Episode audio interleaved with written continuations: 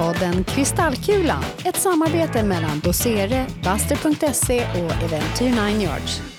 Välkomna tillbaka till Trendpodden Kristallkulan. Speciellt välkommen till dig, Bobo av Ekenstam. Stort tack Martin, kul att vara här. Härligt, härligt. Och Jörgen, du är naturligtvis också precis lika välkommen. Ja, men snällt. Tack så mycket. Och mest av alla så skulle jag hälsa välkommen till Nina. Ja, tack för det. Tack, tack.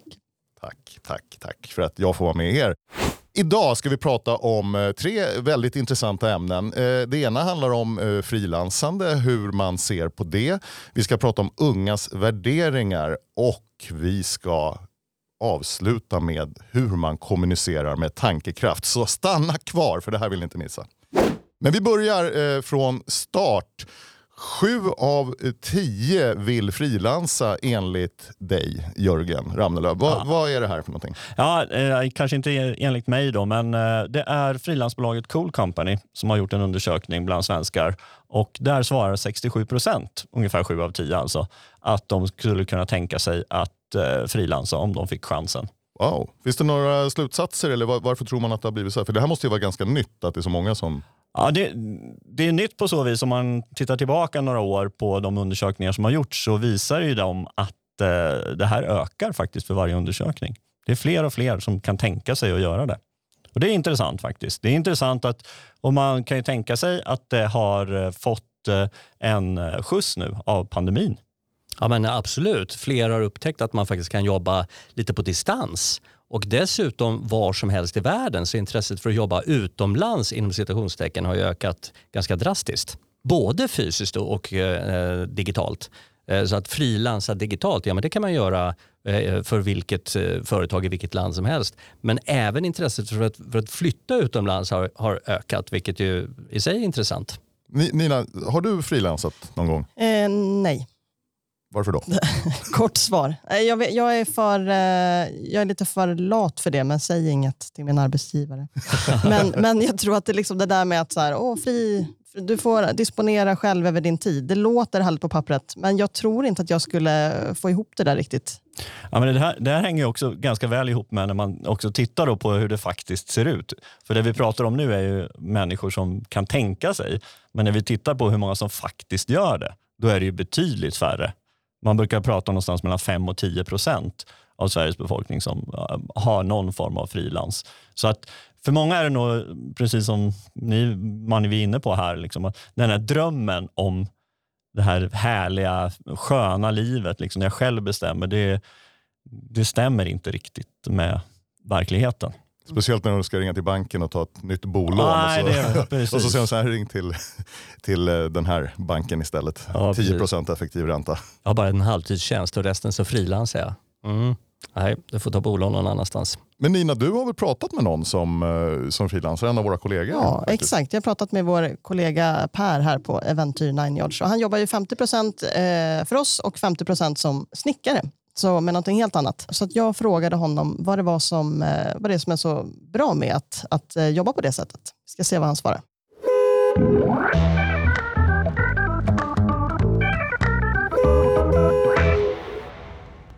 Varför har du valt att ha två jobb?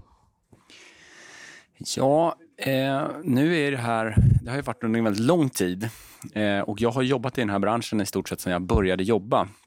Så jag hade väl någon form av 40-årskris, det är snart 10 år sedan.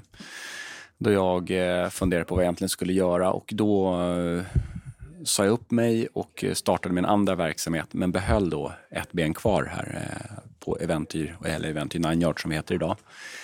Från början var det väl för ett sätt att känna sig för, men det har för min del blivit en, en väldigt bra lösning. I mitt eh, gamla jobb, om man uttrycker så, som är nu här på Eventyr 9 Yard, blev helt plötsligt mycket roligare igen när jag hade liksom ett en annan verksamhet som jag drev vid sidan av. Eh, vad är det mer som är bra med det, tycker du? Ja, men du får ju eh, liksom perspektiv på ett annat sätt. Eh, jag menar, våran bransch kan ju periodvis vara väldigt, väldigt stressig.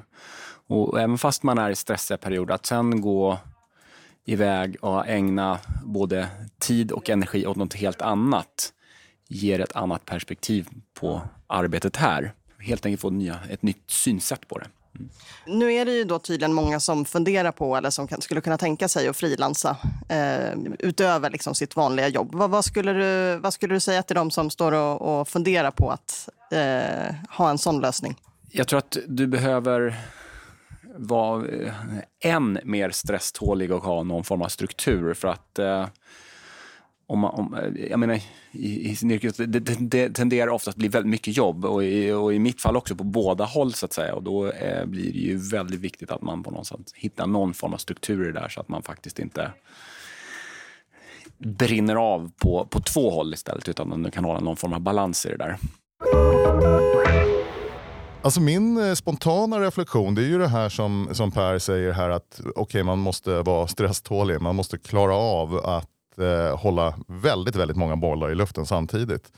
Och jag, jag skriver under på det, för jag har ju faktiskt haft en sån tillvaro där jag har varit deltidsanställd och, eh, av mig själv och deltidsanställd av en, av en arbetsgivare.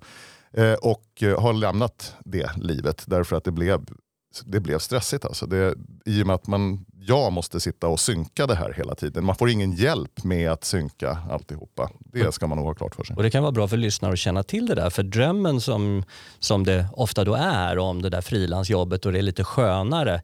Eh, det kanske istället innebär att man jobbar mycket mer. Så det är bra att vara medveten om. Annars är ju drömmen, vi pratade i förra avsnittet om det great resignation, att man liksom slutar jobba eller jobbar med något som är mycket mer värdefullt. Och det, det är ju lite intressant, för det ser vi också i samma undersökning, att det, det som är intressant eh, att jobba med, det är ju sånt som är lite naturnära. Eh, den här på stan-killen eh, jobbar ju som snickare, men att jobba med fiske, jordbruk, skogsbrus, eh, skogsbruk, inte Mm. brus. Eh, resor eller hållbarhetssaker, det är lite så drömmen att få frilansa med. Jag vet, jag, jag var ute och fiskade med en sån här fiskeguide och han var ju då snickare faktiskt, men säsongsvis. Så att han jobbade som fiskeguide eh, större delen av året och sen så hade han som ett, så här, när det var lite för kallt att vara ute och fiska, då kunde han gå in och snickra upp lite skåp Mm. eller något. Inomhus. Smart. Ja. Skönt. Men skogsbrusbranschen skulle jag faktiskt vilja eh, titta närmare på, men det får vi ta i ett senare avsnitt när vi har, när vi har tittat in i den.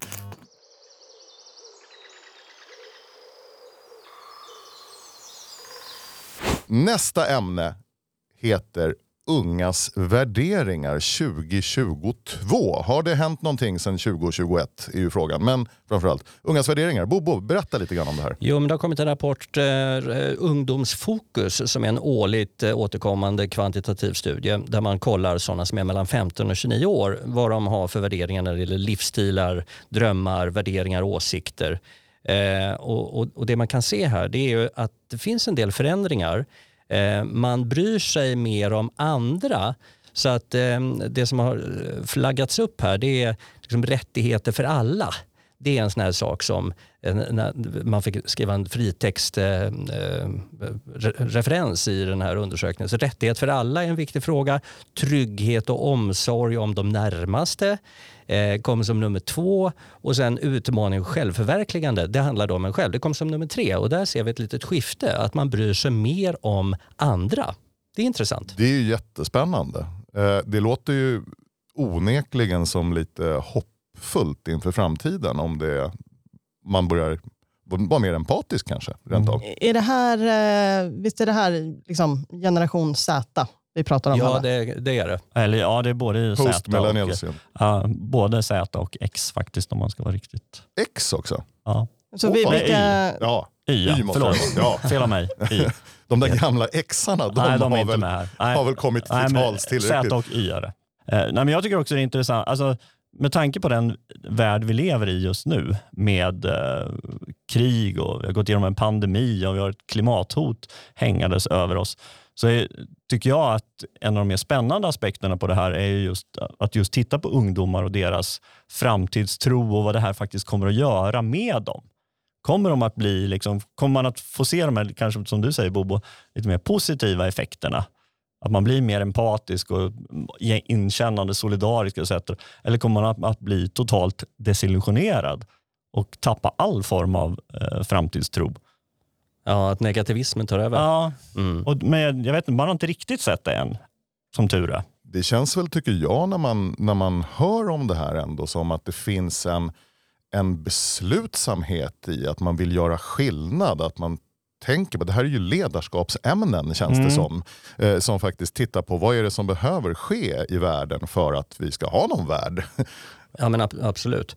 Ehm, en, annan, en annan sak som man har sett är att det här med tillit eh, och att kunna lita på varandra är någonting som också flaggas upp i undersökningar. Och vi, vi har, här har vi sett under pandemin då att eh, när det gäller tillit till sjukvården så har den eh, ökat radikalt från 68% till 88 eh, under pandemin bland unga människor.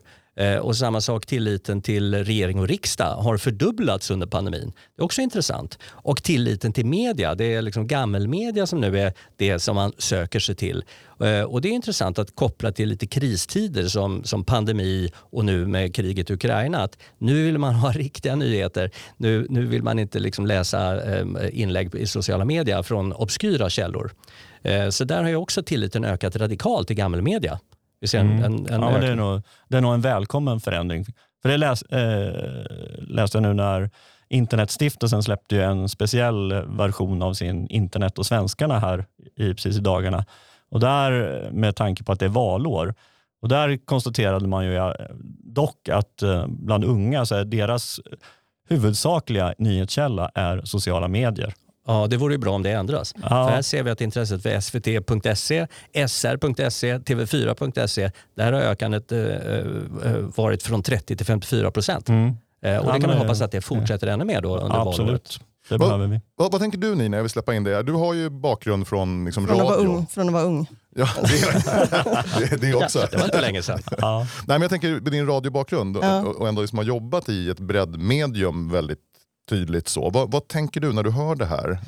Ja, men jag, jag vet inte. Jag, så länge, alltså jag tänker det här med att man, att man tar till sig nyheter via sociala medier, det behöver väl inte vara något dåligt tänker jag. Eh, egentligen. Alltså att, att förvänta sig att eh, ungdomar ska sätta sig och lyssna på P4, det, det, det känns ju inte riktigt som att det kommer, kommer hända.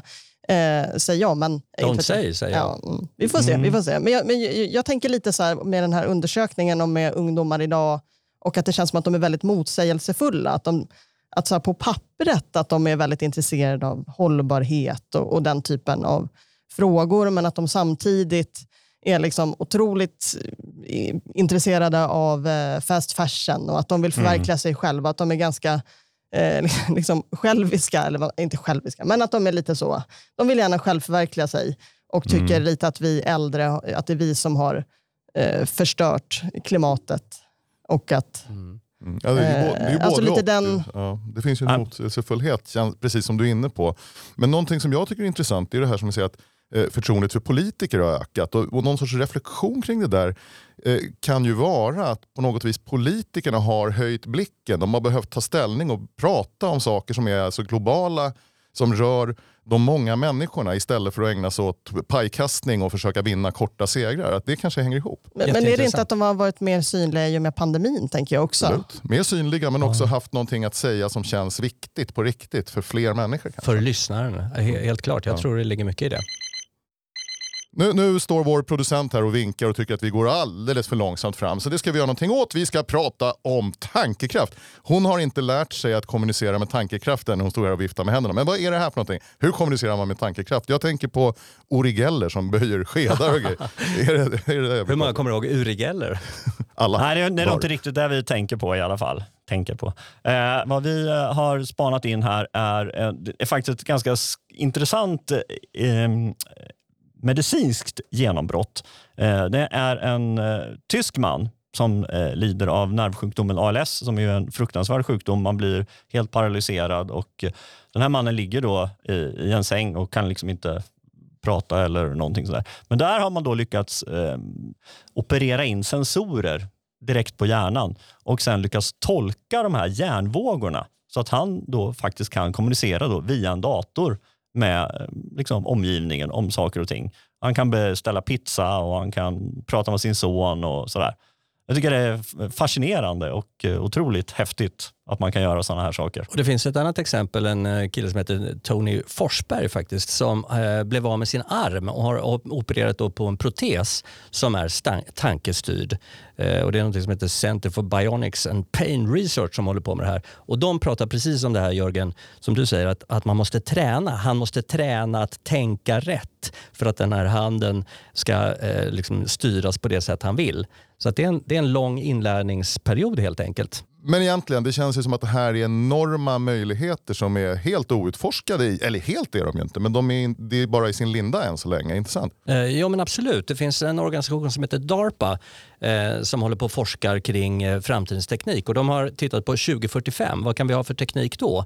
Eh, och lite som en parallell till det här så tror man att man kan hjälpa människor som har tappat minnet med att faktiskt eh, digitalt eh, fånga upp det som man ska minnas i någon form av hårddisk i hjärnan. Så att har man Alzheimers eller någon annan sån degenererande sjukdom så ja, men då kan man ändå komma ihåg saker och ting. Det är ett, ett, ett annat exempel på, inte direkt tankekraft, men nästan. Sen kan det vara så att vi faktiskt håller på att spa, skapa supermänniskor människor som liksom har förmågor långt utöver vad vi eh, normalt förknippar med en människa.